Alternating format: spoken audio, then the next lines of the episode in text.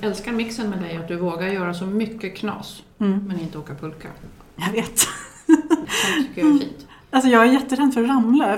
Till och med så att jag funderar på om det har hänt någonting i ett tidigare liv eller någonting sånt. Det är typ då jag börjar fundera på om det finns någonting annat. För att jag är så paniskt rädd.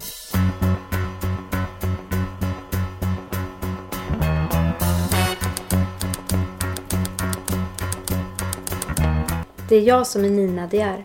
Och det är jag som är Johanna de Valiant. Och vi tänker debutera. Eller dö.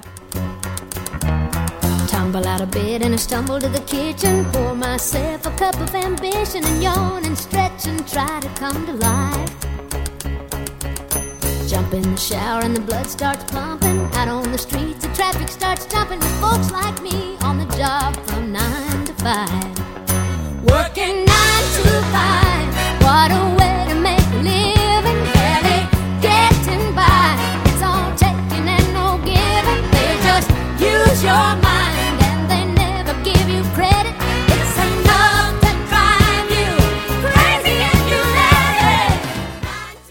Ja, är vi on?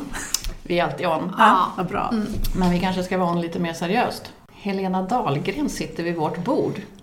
Jag är starstruck. Är det sant? Ja. Det kan vara liksom en liten skräckupplevelse för mig att du sitter här, för jag tycker du är så creddig. Att jag känner mig där som att jag sitter runt bordet tillsammans med en balla i skolan. Alltså jag bara, jag bara skrattar, för det är så inte min självbild att det skulle vara en palla i skolan. Men jag uppskattar väldigt mycket att du säger det. Jag tänker alltid att jag är den här, eh, när jag sett Breakfast Club, eller hur? Den här klassiska 80-talsrullen. Min självbild är att jag är Ali Sheedy. Den här Det är hon som konstiga. gör så här med Ja. eh, mjället Ja, i precis. mackan typ. Det är Ja. jättekonstigt. Så, så, så konstig var inte jag. Eh, Men jag är mycket mer eh, att jag identifierar mig med freaksen. Mm, och alla ville vara Molly Ringwald. Alla ville vara Molly Ringwald.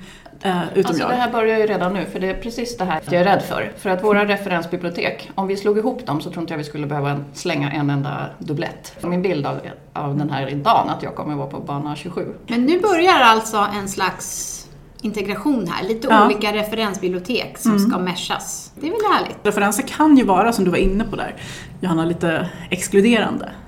Och om jag ska vara helt ärlig så har jag jobbat så i många år. Jag kommer ju från indiekulturen eh, i Stockholm på 90-talet. Där det var väldigt mycket ironi och väldigt mycket vara utanför. Men jag kände väldigt mycket att det var nördarnas revansch. Att väldigt många av de som blev skribenter under 90-talet, 00-talet var ju sådana som definitivt inte hade varit den balla tjejen eller killen i skolan. Så att då blev det på något sätt payback time. På samma sätt som att jag kunde, på gympan så var det väldigt populärt att kasta bollar i huvudet på mig och sådär. Eh, För att jag var väldigt dålig på gympa. Däremot så var jag väldigt bra på engelska och svenska och franska och historia och religionsvetenskap och alla sådana ämnen. Så där kunde ingen sätta sig för mig. Men där ute i någon så här ful gympadräkt, då var ju jag bytet. Hela havet stormar. Ja, hela havet stormar, precis. Så jag tänker att det kanske är lite samma sak med referensbyggande i litteratur. Att det blir lite grann så här, de som fattar, fattar. Eh, Jag har verkligen försökt jobba med mig själv där, för jag kan vara ganska elitistisk. Men nu för tiden tror jag inte att det är det i samma utsträckning längre. Jag vill inte vara det i alla fall. Nej, men Jag förstår precis vad du menar. Jag får ju vara med och bredda dagens program lite. Ja. Men om vi börjar från början. Mm. Så här, om man ska sätta några labels på dig. Jag bara kastar ur mig några saker så får du säga ja eller nej. Mm. Ja. Men jag skulle säga först författare, Mm. bloggare, Ja, eh, det är ju min bakgrund i alla Ja. fall som bokbloggare. ja, Mm. före detta bokbloggare Ja, kanske. precis. Litteraturskribent, Ja. recensent. Lite Går det ja. hand i hand?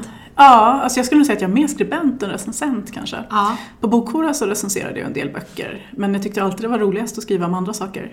Är det det som räknas? Vad man tycker är roligast eller det man gör mest? Det är en väldigt bra fråga. Jag försöker ju göra det som jag tycker är roligt mest. Jag försöker nog, både när jag bloggar eller har bloggat och när jag har skrivit och jag lektörsläser en del också och skriver egna saker och sådär. Då vill jag att lustprincipen ska råda. Typ så.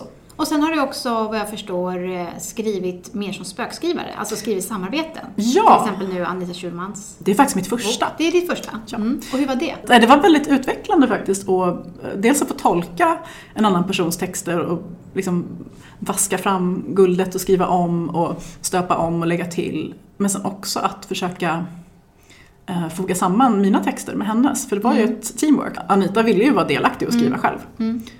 Och det var jag väldigt glad över för jag tycker om att mötas i texter. Det är det finaste jag vet nästan. Du hade ju just varit på ett förlagsmöte. Kan ju Ja. pressa dig lite på det vad kan- de sa, vad som hände? Eh, ja, eh, kan jag börja med att säga att det var så total adventsstämning i eh, Bonnierhuset. För att det visste inte jag då. Men precis efter det att jag gick därifrån så skulle Kazuo Ishiguro komma dit, årets nobelpristagare. Och det var en så himla cool känsla när de sa det till mig när jag gick. För jag hade känt någonting i receptionen. Att det var lite julaftonsstämning och folk var lite extra finklädda, var lite uppsluppen stämning och Precis, många som stod och väntade. kommer. Nu kommer tomten! Och det var Åh. Ishiguro. Ja.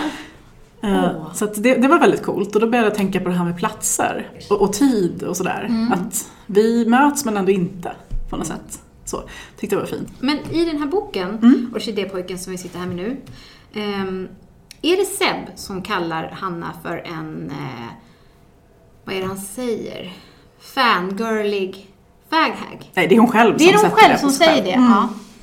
Skulle du säga att det finns någon likhet? Ja, gud ja. Ja, eh, jag tror att eh, har man känt mig, i synnerhet som tonåring, men om man har tillbringat lite mer tid med mig som vuxen också, så känner jag att jag inte riktigt kan förneka eh, ett visst släktskap med Hanna som är huvudpersonen och Orkidépojken. Nej men absolut, alltså, eh, karaktären Hanna och hennes relation till Seb som hennes bästa kompis, det är ju absolut inspirerat av min egen tonårstid. När jag började gå ut på gayklubbar i Stockholm och eh, hittade mig själv och ett större syfte och en gemenskap och kände mig inkluderad på ett sätt som inte jag hade gjort innan. Så att absolut, jag är och har varit och kommer att förbli en fangirlig faghag. Real life killed me on the school bus. Real life, wise guys never weep. Real life, dying to be famous. Real life happens on TV.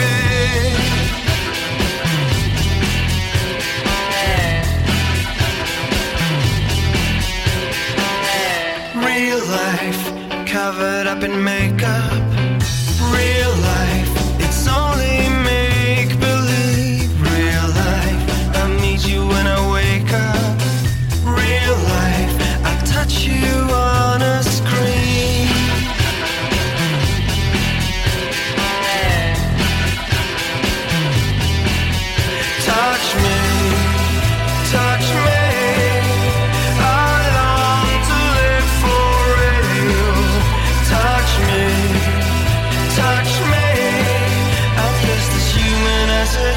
Can be. Please touch me. Men även i um, Orkidépojken tolkar jag det som att det är texter som möts. Så är det Flera absolut. olika. Och Det är flera olika. den här Orkidépojkens texter. Ja, och det är ju en blogg. Mm. Eh, Och jag gjorde faktiskt så när jag började arbeta med boken så lät jag min pojkvän, eh, som är ganska flink på datorer till skillnad från jag, att Mm. eh, skapa en hemlig blogg åt mig. Där jag kunde skriva Orkidépojkens inlägg. Ah. För då hade jag precis skrivit 100 hemskaste. Mm. Och den är baserad på bloggtexter från Dark Places, min bokblogg. Och eh, när jag gav ut den så hade jag väldigt mycket trygghet i att jag faktiskt skrev i bloggformatet som jag har Mm. Ja. skrivit i i många, många år. Mm. Och jag har inte tänkt på det som skönlitterärt skrivande kanske, men det har ju varit det hela tiden. Och det är kanske ett tips också till de som, eh, som vill komma igång med skrivandet. Att det spelar faktiskt ingen större roll hur du skriver, utan det handlar om att göra det på ett sätt som man känner sig bekväm med. Så så gjorde jag, att jag skapade en blogg eh, där jag skrev de här inläggen. Och jag började med dem. Från början var tanken egentligen att det skulle bli en, en lång novell som skulle vara med i en Twin Peaks-antologi som mitt gamla förlag skulle ha gett ut lagom till eh, Twin Peaks tredje säsongen Mm. som kom. Eh, men det blev inget av det och då kände jag att jag gillade verkligen Orkidépojken. Han är inspirerad av en, en bifigur i säsong två av Twin Peaks som heter Mm. Harold Smith. En enstöring som odlar sina blommor och inte lämnar sitt hem. Och man förstår så småningom att det finns kanske övernaturliga anledningar till det. Och han får ett väldigt fint band med Laura Palmer Mm. som blir mördad sen också. Mm. Eh, det är Det är med- Lina Palmgren som Precis. försvinner i Ja. din bok. Och hon, vad jag förstår, jobbar typ för Linas matkasse ett Ja. tag. Ja, typ. Det är någon slags eh, kommunvariant av Linas matkasse. Ja. Precis, och det är också en Twin Peaks-blinkning. För att i. Twin Peaks så jobbar ju Laura för någonting som heter Mills on Wheels. Ja. Som Norma, som äger eh, den här Mm. dinern i Twin Peaks, har dragit igång med Mm. Shelley och gänget. Och då tänkte jag, vad skulle kunna vara modern motsvarighet? Och då tänkte jag att det är ju lite kul Mm. att hon heter Lina. Och jag är nog inte så rolig när jag skriver överlag, men ibland kan jag bli lite putslustig och inte låta bli. Så jag tänkte, ja men fan, det kan väl vara matkassar då. Mm. så att precis. För det känner man att du har haft jävligt kul när du har gjort den Ja, här. Är gud, lust. det har varit så kul. Ja. Och den är ju inte så här traditionellt skriven bok. Nej. Utan den känns ju mer modern. Precis som Mm. hela du. Den Eller är, postmodern kanske till och med, jag vet inte. tror du att eh, skönlitterära böcker kommer komma mer i den här formen? Jag hoppas det. Alltså jag har ju skrivit en bok som jag själv har velat läsa. eh, I en form som jag tycker känns lustfylld och kul. Och förhoppningsvis är det roligt att läsa också. Sen så är jag också väldigt förtjust i klassiskt berättande. Så jag älskar ju systrarna Bronte och Jane Austen och gänget. Alltså Dostojevskij, han Dostojevskij, kunde ja, precis. 50 sidor om en frukost. Ja, Och du precis. har ju det här Mm. mer brutala Mm. berättartekniken. Exakt. Alltså man kastas mellan, kastas mellan skeenden Mm. och stämningar mycket. vilket känns väldigt 2017 om man jämför. Det är ju snuttifierat hela samhället.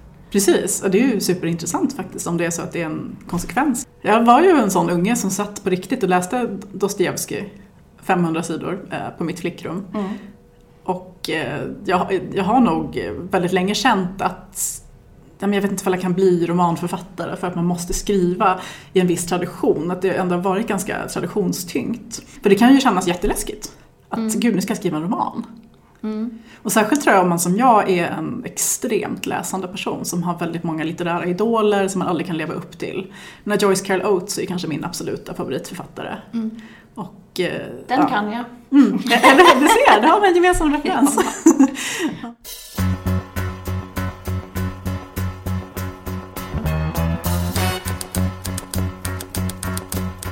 Men nu vill jag höra mer, för du har gjort en helt annan väg in i författarskapet.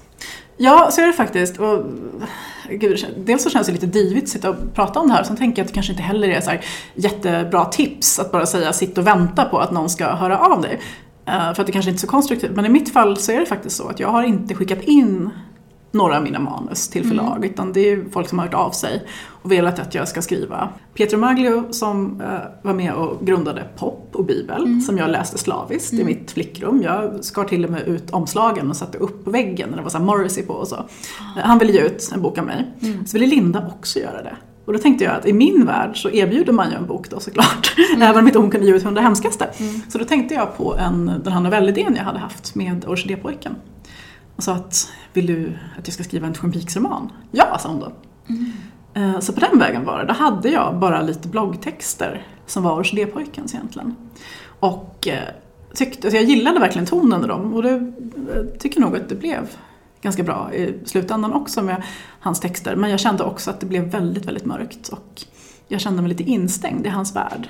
Så då började jag tänka på mitt eget liv när jag var 18-19. Eh, Så då kom jag på den här karaktären Hanna. Som ju är ett slags alter ego. Såklart, det är ju bara dumt att förneka. Mm, den fangirliga faghagen. Den fangirliga fan, faghagen Hanna, precis. Ja, hon har till och med samma initialer eh, som jag hade som flicka när jag var ogift. Så att sådana grejer har jag lagt in i hennes karaktär, på tal om att jag hade väldigt kul när jag skrev. Ja. Att jag, det ska bli som ett skiffer över mitt eget liv. Så. Eh, så då insåg jag att jag ville ha flera berättare. Och då kom ju Laura Palmer in också såklart.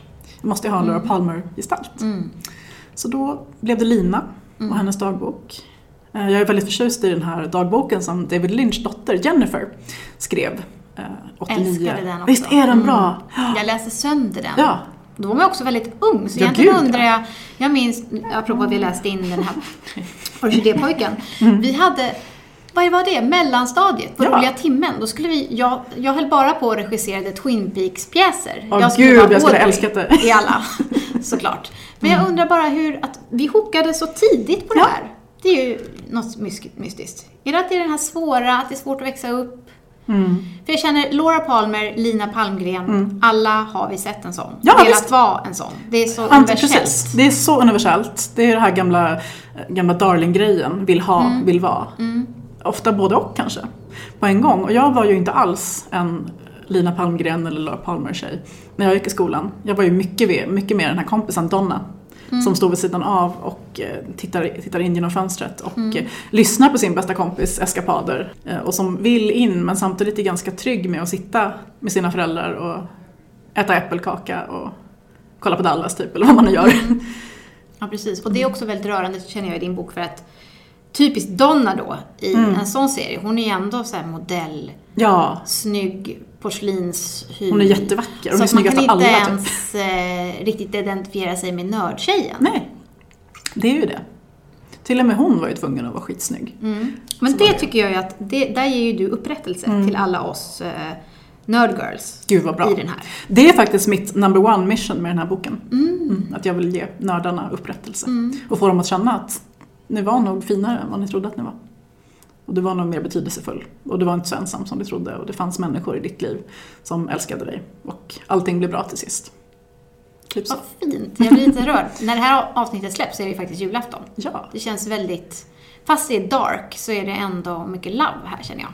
Mm. Visst, det är mörkt och det är jätteotäckt och det handlar om ensamhet och själens mörkaste skrymslen. Men det måste finnas hopp också. Det är det här Leonard Cohen-citat liksom. Det- There's a crack, there's a crack in everything, that's how the light gets in. Ring the bells that still can ring. Forget your perfect offering.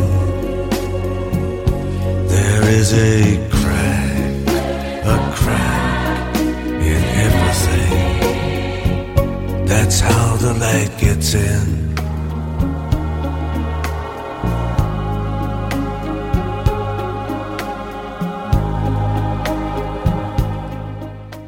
Jag kommer inte ihåg en detalj. Jag kommer bara ihåg den suggestiva känslan av att titta på Twin Peaks. Jag var ju Beverly Hills-nörd, om det räknas. Ja, men jag älskar också Du, Beverly Hills. du. Du, du, du, du. Mm.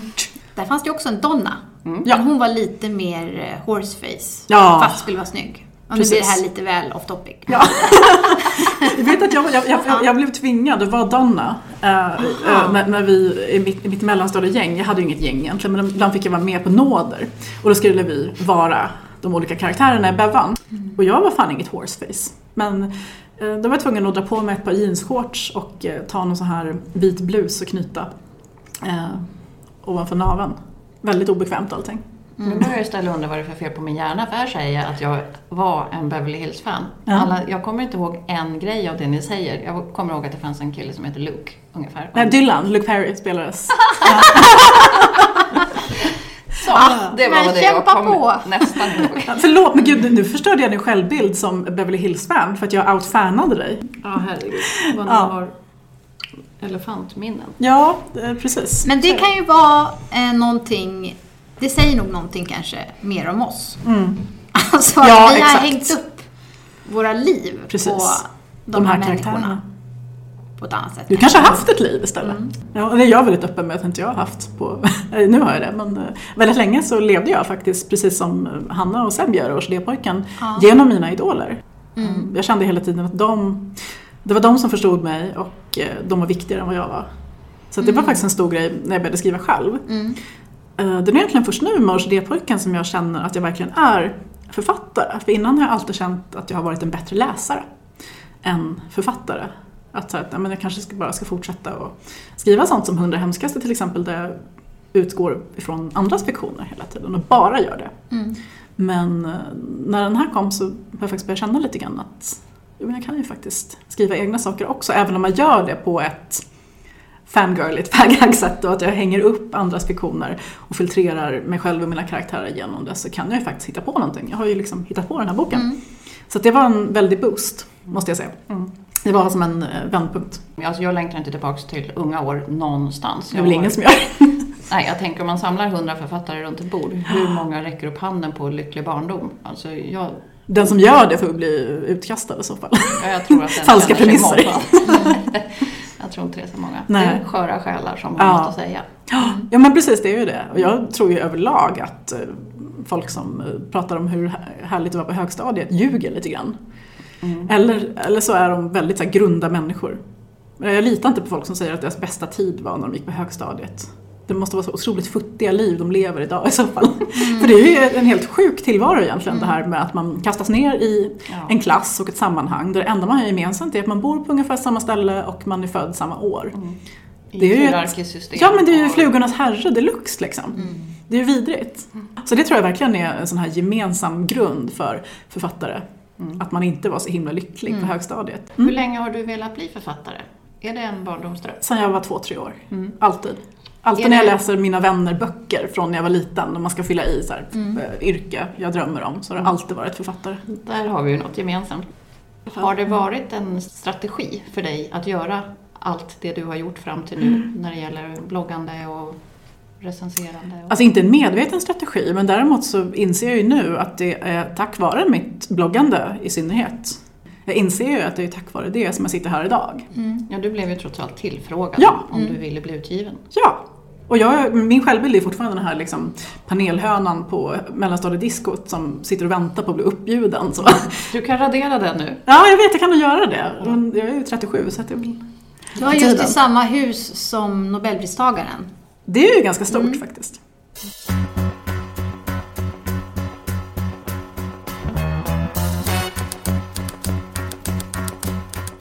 Men om man nu då vill bli uppringd. Så himla Liksom- dålig strategi det här kände jag, förlåt. Ja, nej men nu ska vi, vi, behöver liksom, vi kan ju lämna liksom en div-aspekten av Ja. det. Men jag tänker så här, för dig har det varit en passion, Ja. du har älskat vad du har gjort och så har det växt från det. Ja. Men, jag- men jag tänker att det är ändå få som lyckas Mm. bygga plattformar där, där det når ut. Hur nådde du ut? Liksom, kan du se dig själv nu? Jag blev, till, jag blev tillfrågad av bokhora.se att börja blogga för dem. Ja, Det var nog den stora ja. grejen. Det var ju precis när Bokhora och bokbloggarna började breaka. Och vi blev ju jättestora. Jag tror inte att vi förstod riktigt eh, vad som hände där. För vi var ju bara fem tjejer som gjorde det här för att vi älskade böcker. Och vi gjorde det på kvällar och nätter och på lunchraster och på stulen tid och vi egentligen skulle göra annat. Eh, men många trodde att vi gjorde det på heltid och så. Eh, så att för mig så var det nog där tror jag, som jag fick den plattformen. Och sen har jag kunnat göra saker tack vare det. Kunnat göra författarintervjuer och sådana saker. Men om man ska vara lite mer generell så tror jag att det absolut viktigaste är att man ska vara sann mot sig själv, där man är, det man tycker är roligt. Um, Ett citat som jag alltid brukar återkomma till eh, kommer från Shakespeare och Hamlet. To thy own self be true. Var sann mot dig själv. Och det kanske låter lite så här carpe diem-klyschigt nu, men det är så viktigt. Och jag ser så många som inte är sanna mot sig själva. Man ser på sociala medier till exempel att det är författare som det tycker jag är lite fint att man liksom är väldigt öppen med det. Att man funderar på att byta bana och skriva någonting som kanske säljer bättre. Men man ska inte göra det, man ska inte lockas av den impulsen. Utan gör det som du själv vill konsumera. Oavsett ifall det är böcker eller tv-spel eller eh, knyppling eller whatever. Eh, var sann mot dig själv och våga liksom vara totalt all in-nördig. Och sen också, sociala medier är ju bra. Väldigt bra verktyg att lära känna folk.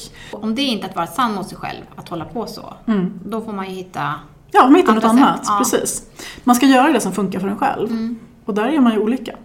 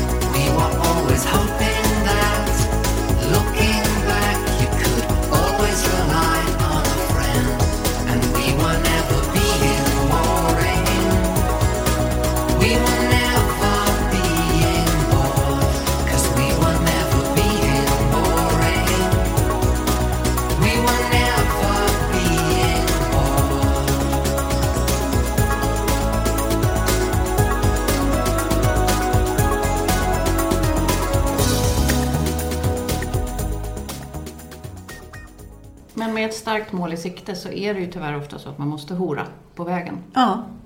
Eller bokhora. Vad säger man om det då? Liksom, var går gränsen? Mm, alltså jag känner att allting som jag tackar ja till och gör är nog ändå saker som jag känner att jag måste kunna säga öppet så här i ett sammanhang. Utan att börja hålla på och sväva på målet och skriva om och bara nej men det var egentligen så här och så. Det är väldigt konstnärligt allting och så. Ehm, Sen har jag den största respekt för folk som gör saker för pengar. Jag har två barn och är ensamstående. Det är klart som fan att jag måste tjäna pengar ibland också. För det kan vara svårt att på heltid bara leva sin dröm Ja, och, och sin hobby. precis. Och sen så kan jag känna, jag har hela det här året 2017 eh, har jag haft privilegiet att jobba heltid med att skriva. Eh, och det är ju superlyxigt såklart. Men det är också lite ångestladdat för att jag har ju alltid haft skrivandet som min passion, min hobby, min drivkraft. Och nu så är det helt plötsligt 9 till 5, det är det ju inte. Det är snarare så här 13 timmars jobb. Eh, som gör att man typ nästan springer in i väggen. Ja. Eh, och det är det som är problemet, att när man jobbar med någonting man verkligen älskar så kan man inte sätta gränser. Helt plötsligt har man suttit där i två dygn i pyjamasbyxor och levt på socker och koffein och känner liksom vilopulsen är 120. Och just därför kan det finnas en poäng med att ha ett brödjobb som är någonting helt annat så att man hinner längta lite. Jag har ju ett långdistansförhållande också med min pojkvän eh, sen eh, två och ett halvt år tillbaka. Och jag känner väldigt mycket, om man ska dra paralleller där, att det är fint att längta efter det som man tycker mest om i livet. Så att man inte tar det för givet. Så att det är klart att det är, kan man leva på sitt skrivande, vilket väldigt få kan. Jag tror att det är 10% av alla utgivna författare i Sverige som kan det. Då är det såklart superlyxigt, men jag tycker absolut att det finns många fördelar med att göra någonting annat. Kanske inte 100% men så mycket som man behöver för att ha en stadig liten inkomst. Att man kan betala räkningarna och kanske ta hand om sina barn om man har några. Och eh, sen så lägger man skrivandet på, det blir liksom the fun days, the fun Precis. Det hours. ska finnas något lyxigt med att få ägna sig åt. Ja, för nästa år så har jag bestämt mig för att jag kommer jobba halvtid. Och eh, halva tiden går jag tillbaka till mitt kontorsjobb som jag trivs på i tio år. Du behöver lite mer tristess. Jag behöver lite, lite så här dåligt snutkaffe och eh, diariesystem som hänger sig. Ja. och sen framförallt tror jag att jag behöver mötas i ett sammanhang som inte är skrivande också. Det kan vara ganska nyttigt. Mm. Skapa rutiner också. Mm, precis, alltså jag är väldigt mycket för rutiner och där är man ju olika. Återigen, man ska göra det som funkar bäst för en själv. Men realiteten är ju den att de allra flesta av oss kan inte leva på vårt skrivande. Och då kan det ju absolut finnas ett värde i att ha någonting helt annat som man jobbar med på dagtid. Och att man sen skriver så fort som man får tid och lust. Och många, vi är ju småbarns, eller vi är ju föräldrar allihopa, eller hur? Och då lär man sig väldigt bra att eh, ta tillvara på den tid man har. Jag har ju tvillingar och blev väldigt effektiv. Och det är faktiskt, jag tror inte att det är en slump att allt det jag har skrivit nu, novellerna, 100 hemskaste, bloggtexterna, eh, Orkidépojken och nu det här, är sånt som jag har skrivit efter det att jag har fått barn. Innan dess gick jag bara och väntade på någon slags gudomlig inspiration och drack jättemycket öl. Alltså då hade man ju så jävla, De hade så jävla mycket tid och man kan fattade göra det sen, inte. sen, sen. Man behövde aldrig liksom... Nej, precis. Nej, Eh, man respekterar inte tiden om, Man gör inte om det. den är oändlig. Nej, precis. Så är det. Alltså det här är en superintressant diskussion tycker jag. Det där med brödjobb kontra skrivjobb.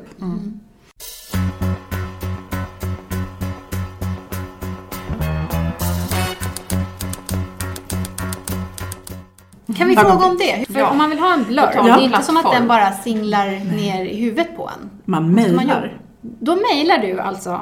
Och när förlaget frågade om blurbar så sa jag att Kristin Falkenland, hon är min enda önskan. Om hon vill göra det så kan jag dö lycklig. Så då mejlade jag henne och var väldigt såhär, ja jag förstår att du har jättemycket att göra men eh, om du vill så skulle jag bli urlycklig. Men bara om du gillar, lova så här, för Ja. så rädd att hon skulle liksom, skriva för att vara snäll. Eh, och då sa hon att ja, vad roligt, jag kan inte skriva, jag kan inte läsa just nu eh, för jag håller på att undervisa men om en månad ungefär eh, kan jag läsa. Ja, ah, vad kul!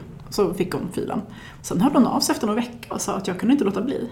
Och så hade hon en blurb som var helt fantastisk. Åh, vad fint. Ja, eh, så så kan det funka. Eh, de flesta brukar nog höra av sig själva i egenskap av författare till någon som man tycker ska blurba. Man ska alltså ta mod till sig. Ja, våga fråga. Ja. Man blir glad, alltså jag blir jätteglad ifall någon skulle fråga mig. Det är ju ett privilegium och en ynnest att få göra en sån sak. Carina Nunstedt gav mig ett tips en gång. Mm. Hon sa till mig att det man skulle göra var att skaffa en blurb när man skickar till förlag. Aha, Redan innan, för att Mm. Väcka liksom, intresse. Ja, curla fram marken så här. Men det är ju kanske lite svårare då. Så man- outgiven ska man skicka sitt manus till sin drömblurbare. Det Ja. är ju modigt alltså. Ja, det är modigt som fan. Men man måste vara modig ibland. Måste vara kaxig. Mm. in Återigen, mejladresser har vi kommit fram till att det är bra att ha. Det är väldigt De bra va? rätta. Ja. Var inte din man datahacker? Och vad är ditt tips nu då? Om man 2018 vill förverkliga sin dröm som man har gått och sugit på länge. Vad gör vi? Ja, det är väl återigen det där med att man ska göra det man absolut tycker är roligast. Ta, men som när man köper godis, så här, börja med ta bara de godaste. För när man, när man har plockat ihop sin godispåse så är det alltid någon så här tråkig jäkla godis som man inte fattar varför man har tagit. Ta det göttaste. Man får göra det. Man, man får bara... Skit i utfyllnaden. Skit i utfyllnaden och, och liksom, eh, utgå ifrån lustprincipen. Och där ska man ju återigen göra det som funkar bäst för en själv. Men för mig så är det väldigt bra med promenader. När jag bara kopplar ner allting och går ut och går.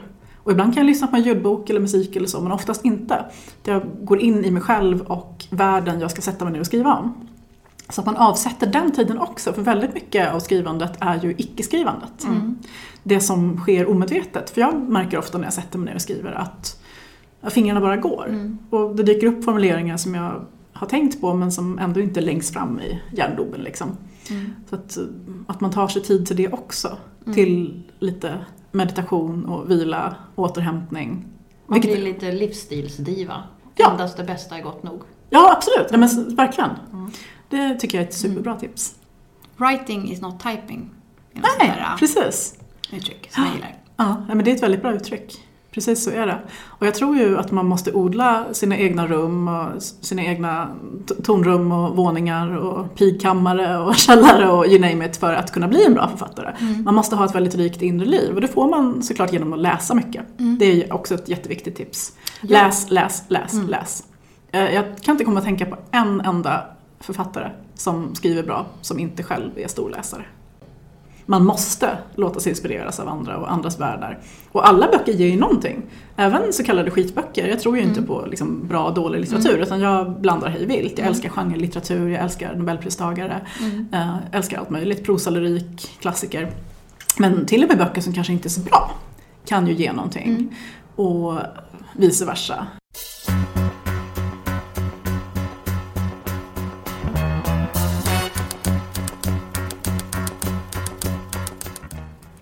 Fina visdomsord tycker jag från Helena Dahlgren att ta det gottaste. Göra det man tycker är kul. Skit i utfyllnaden. Det ska jag ta med mig in i 2018. Verkligen försöka leva efter den devisen. Att hoppa allt som man tror att man ska göra för någon annans skull. Inte hora så mycket. Nej, inte hora, do what you love. Har vi några nyårskameller som en, om vi tittar tillbaks då? Har vi någon resumé av 2017 som vi vill dela? Jag tycker det har varit ett omtumlande år. Massor med fina möten. Också mycket hopp och förtvivlan. Jag känner att jag har kastats emellan mycket. Och du då? 2017 var ju verkligen högt och lågt. Jag hade ett första halvår, då när vi startade podden, som var verkligen i kulturarbetarens tecken. Och sen kom en höst som, ja, jag har aldrig varit med om dess like. Tre stycken i min familj har flyttat och det har varit renoveringar och det har varit eh, nytt arbete och det är fullt ös medvetslös. Oh god. Svårt att vara författare. Men writing is not typing kan du trösta dig med. Ja, Du writing kanske is tänker painting. hela tiden. Jag tycker det är tröstande när Helena också säger att det är inte säkert att det är oceaner av tid som är det bästa. Nej. Man behöver längta, man behöver vara rädd om sin tid och respektera den. Men den måste å andra sidan också vara rimlig att den finns. Och det planerar jag för 2018. Men gud vad det har varit roligt att podda. Det har varit ett annat sätt att befinna sig i den här skrivande världen. Jag har sista veckan lyssnat på våra gamla poddar. Då vill jag ju tacka våra lyssnare för tålamod. Att ni har eh, stått ut. Kommer du ihåg Nina vad vi höll på? När vi åkte och köpte en eh, mick och sen satt vi och tittade på Youtube-film hur man skulle få in Skruva ihop micken. Ja. Och när man lägger ut något på, i etern så är det ju svårt att redigera. Mm, det är det ju. Det är inte som med böcker man kan skriva om de första kapitlen sist. Tusen tack för Ja. ett eh, lärorikt 2017. Vi återgår till eh, Helena en gång till.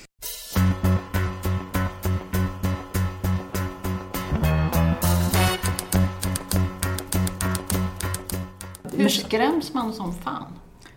Man skräms som fan tror jag genom att eh, utgå ifrån någonting som man själv tycker är otäckt. Man, man skräms genom att skrämma sig själv. Jag gillar inte att bli rädd. För att när jag är rädd så blir jag också begränsad. Ja, ah, det är så. Mm. Och jag gillar att vara en fri människa. Jag gillar inte att gå runt och... Alltså att inte våga gå ut en mörk kväll. Där tror jag att det finns två olika läger, för jag går ju igång på att bli rädd av skräck.